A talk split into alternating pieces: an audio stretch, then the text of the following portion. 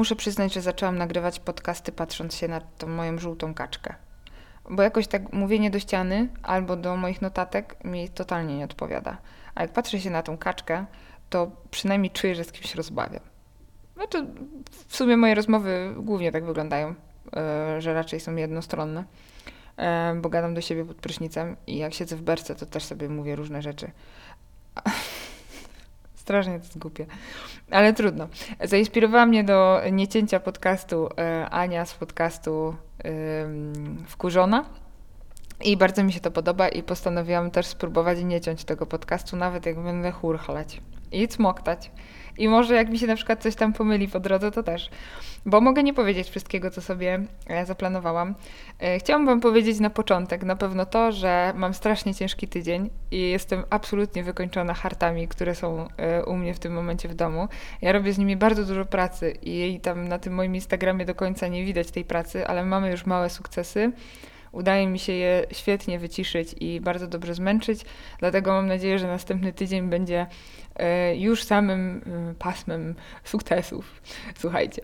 E, chciałam również skomentować mój poprzedni odcinek, w którym mówiłam o tym, że chwalimy się porażkami i tutaj miałam na ten temat rozmowę z Asią, którą bardzo, bardzo szanuję i lubię. I miałyśmy na ten temat taką krótką pogawędkę wieczorną.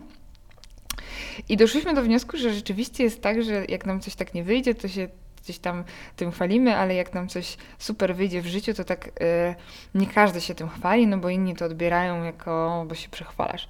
Ja jestem w ogóle kompletnie zdania, że należy się chwalić swoimi super sukcesami, swoimi osiągnięciami. Trzeba mówić o tym głośno. E, trzeba traktować to u innych ludzi jako motywację do działania. A jeżeli ktoś traktuje nasze sukcesy jako e, na przykład swoją porażkę, dlatego że e, jemu się nic nie udało, no to to nie jest nasz problem, kurwa, no nie będziemy się tym przejmować, tak? Także chwalcie się swoimi sukcesami i ja w ogóle czekam od Was na Wasze sukcesy psiowe, i y, zrobię taki odcinek e, z nadesłanych przez Was y, sukcesików, które są, bo to jest bardzo fajne. I tutaj będziemy się właśnie od teraz y, bardzo skupiać na sukcesach i wspierać wzajemnie tym, że odnosimy je e, każdego dnia. No i właśnie, a propos tych sukcesów. Temat dzisiejszego podcastu pewnie widzicie. Dog Life Balance to jest takie coś, nad czym trzeba bardzo mocno pracować i zauważyłam tu u wielu osób, że troszkę nam tego brakuje, bo y, najpierw może analogia y, do tego całego work-life balance, nie? Y, często ludziom brakuje tego work-life balance, no ale walczymy sobie o to mocno i, i, ja pochodzę ze środowiska IT, no i tam jest to bardzo modne, tak, żeby o tym pamiętać, żeby o siebie dbać, no bo pracownik wyspany to jest taki dobry pracownik i ten, który odpoczął na wakacjach, to też jest dobry pracownik i ten, który może po pracy sobie tam dostanie jakiś benefit fajny i może sobie gdzieś iść pochillować, to też jest um, pracownik, który jest y, super wydajny i ja się z tym zgadzam i to jest fajne. I powinniśmy brać właśnie z tego przykład w przypadku naszych psów.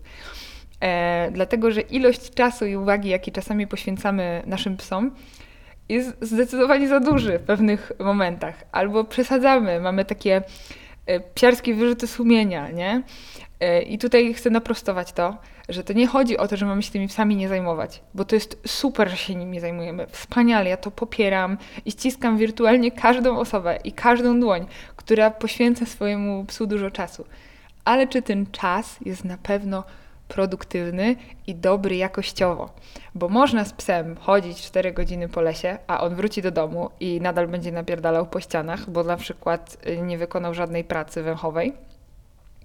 Można z psem e, robić pierdylion różnych rzeczy, których na przykład y, on które nie będą męczyły jego, y, nie będą zaspokajały jego potrzeb. No bo y, piramidę potrzeb, no to sobie na pewno omówimy, ale nie w tym odcinku.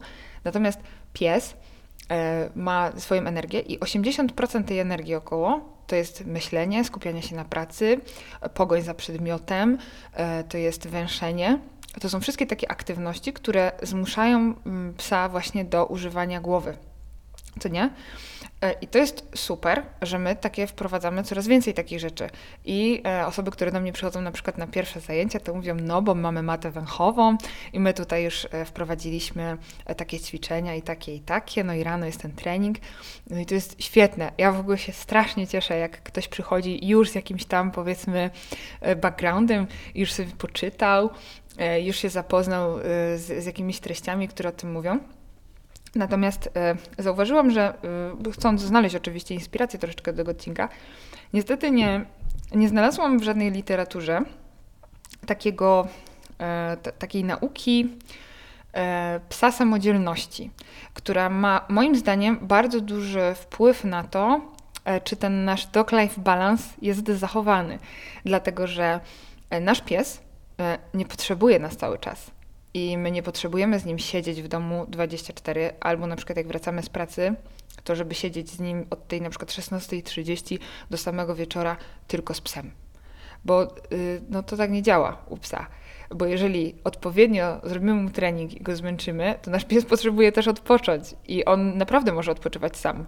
I tego właśnie nie uczymy naszych psów. I tego nie mogę znaleźć w żadnej literaturze. Znaczy, są tam jakieś, wiadomo, informacje, no, że piesek musi być samodzielny, że on musi zostawać sam w domu, w klatce najlepiej, nie gdzieś tam, ale informacja, że halo, jak twój pies jest w domu i ty jesteś w domu, to czasami musi wiedzieć, że nie może do ciebie podejść w każdej chwili, bo na przykład przychodzą do ciebie znajomi i jecie sobie jedzenie, a wasz pies nie musi koniecznie mieć ryja w waszej pizzy. Nie wiem, macie jakieś spotkanie z rodziną nawet i ktoś na przykład, nie wiem, chociażby się boi psów, nie? No to sytuacja pod tytułem są w domu znajomi i mój pies musi być na przykład w drugim pokoju, to jest sytuacja, której trzeba psa nauczyć. Dlatego, że jeżeli nie będziemy uczyć naszego psa E, samodzielności i tej sytuacji, bo to chodzi o sytuację. Pamiętajcie, że pies uczy się w miejscu, w czasie i w sytuacji. Nie będę to powtarzać do usranej śmierci. Więc jeżeli macie sytuację, że wy jesteście w domu i wasz pies jest w domu i nie nauczycie go, że on czasami jest w odizolowaniu od was i nie może w każdej sekundzie do was podejść, tak?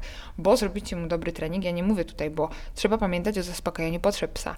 Czyli najpierw trzeba z nim zrobić trening, trzeba tam wprowadzić mu jakąś pracę, na przykład jak 9 godzin siedział sam w domu, no to on jest wyspany na przykład i trzeba z nim zrobić jakąś robotę, ale on po tej pracy musi też chwilę odpocząć. I to jest nic złego, że on będzie odpoczywał sam. A wy przynajmniej będziecie go uczyć sytuacji, znowu pamiętajmy, że musimy go nauczyć tej sytuacji, w której on nie może do was w każdej sekundzie podejść. Dlatego, że większość osób, z którymi pracuję, i to przysięgam wam, właśnie w taki sposób żyją, że ich pies może za nimi wejść nawet do kibla i patrzeć, jak się kąpią albo wejść im w ogóle do wyra i być wszędzie, i w tym wszędzie tym ryjem. I w kuchni przy blacie też stoi, nie? No jeszcze jak dostaje żarcie, to już w ogóle. Ale ten pies jest wszędzie zawsze. Jak tylko jesteśmy w domu, no to zawsze jesteśmy z tym psem, bo i on nie zna potem, przychodzi do mnie na zajęcie na przykład i on nie potrafi się położyć. Nie potrafi odpoczywać, e, nie potrafi e, zarządzić swoją gospodarką energetyczną. No i po prostu cały czas napierdala. I my jesteśmy zaskoczeni, że nasz pies, potem jak przychodzi, e, przychodzi ktoś na zajęcia, no to mówi, no bo on jest taki, taki, taki. Ja widzę po po pięciu minutach, jest problem.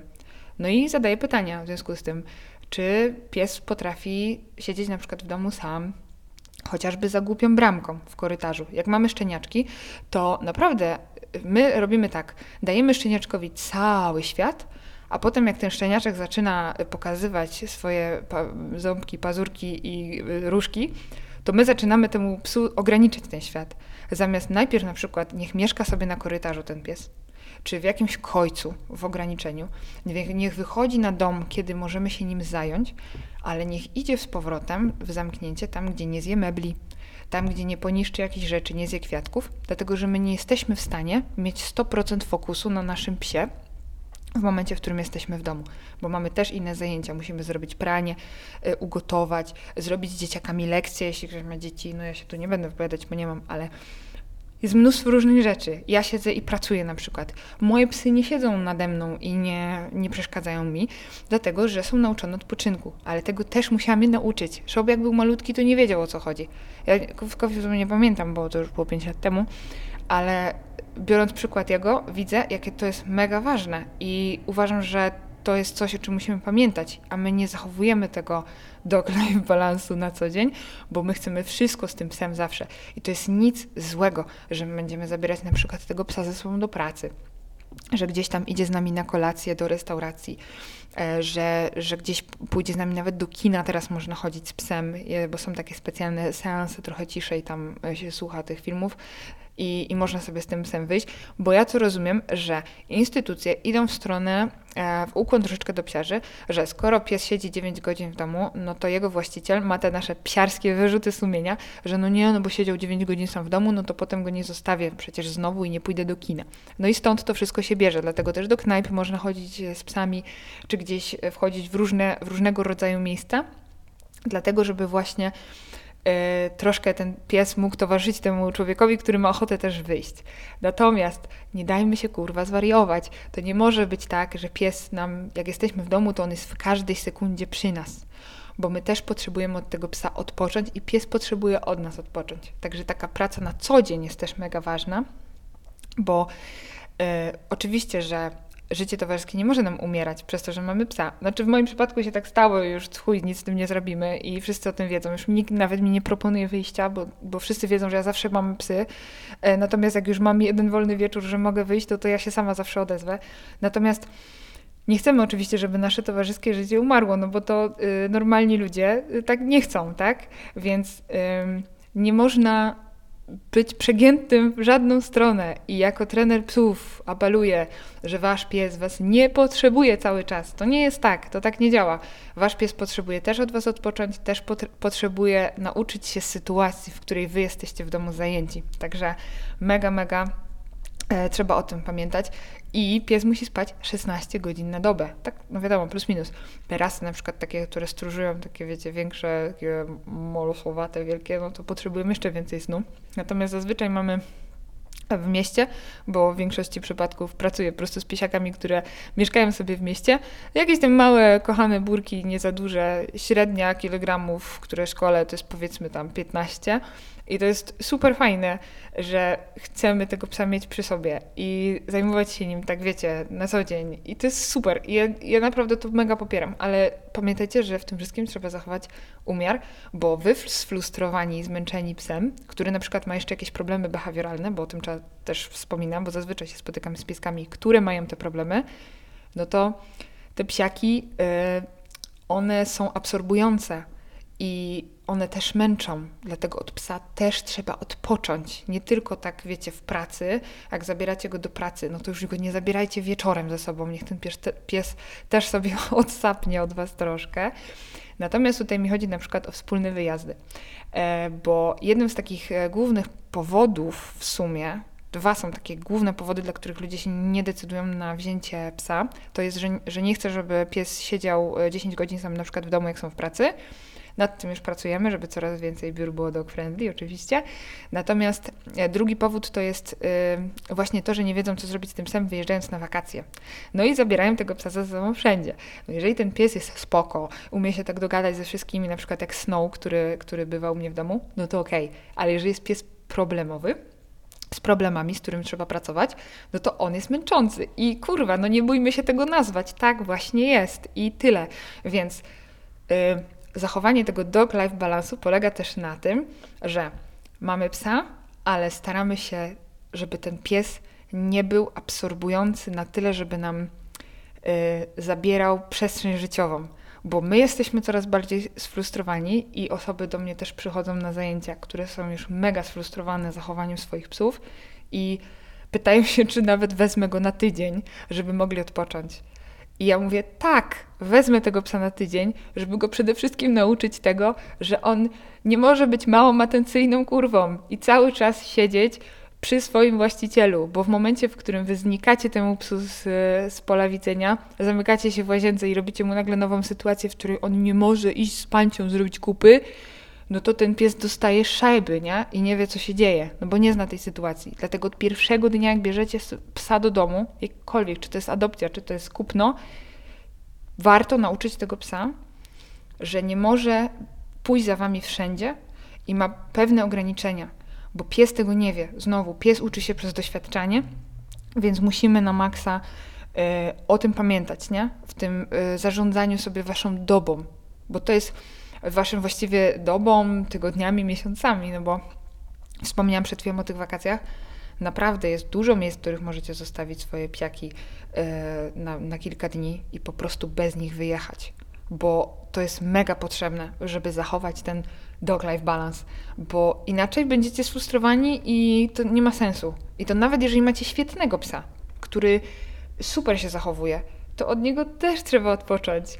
Kurwa, od chłopaka, dziewczyny, żony, męża, siostry, brata, ojca, wszystkich trzeba odpocząć czasami, bo nie da się być z kimś ciągle. A my zmuszamy te nasze psy do bycia ciągle z nami.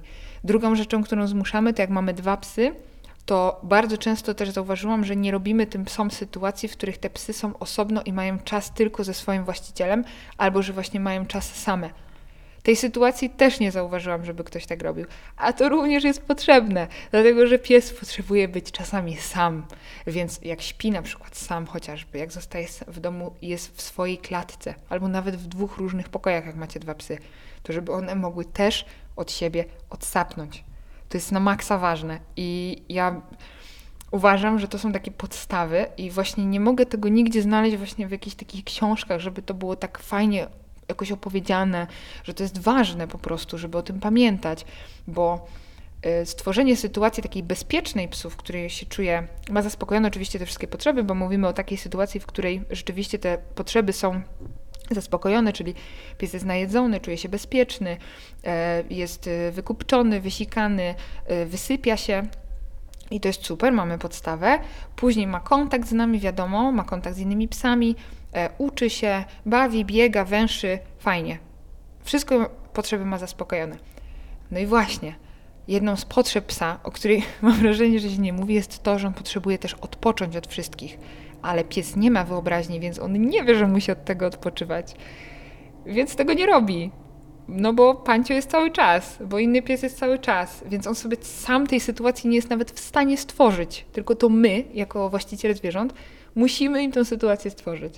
Także to jest na maksa ważne i uważam, że to jest temat, który, e, który e, tak każdy niech sobie weźmie tak z ręką na sercu pomyśli, czy na pewno mój pies może ode mnie odpocząć, czy ja mogę odpocząć od mojego psa. Zadajcie sobie takie pytania, czy ja nie jestem uzależniony od mojego psa, czy może zmienię treningi mojemu psu, które będą bardziej intensywne, ale będzie ich mniej i będę dzięki temu, w sensie będą na przykład krótsze, ale będę ćwiczyć z moim psem co chwilę jakieś nowe rzeczy, albo wybiorę taki rodzaj aktywności, który rzeczywiście zaspokoi potrzeby energetyczne mojego psa, bo każdy pies ma inne i tutaj nie daję w tym momencie jednej kurwa złotej rady dla wszystkich, idźcie na noswork albo coś tam.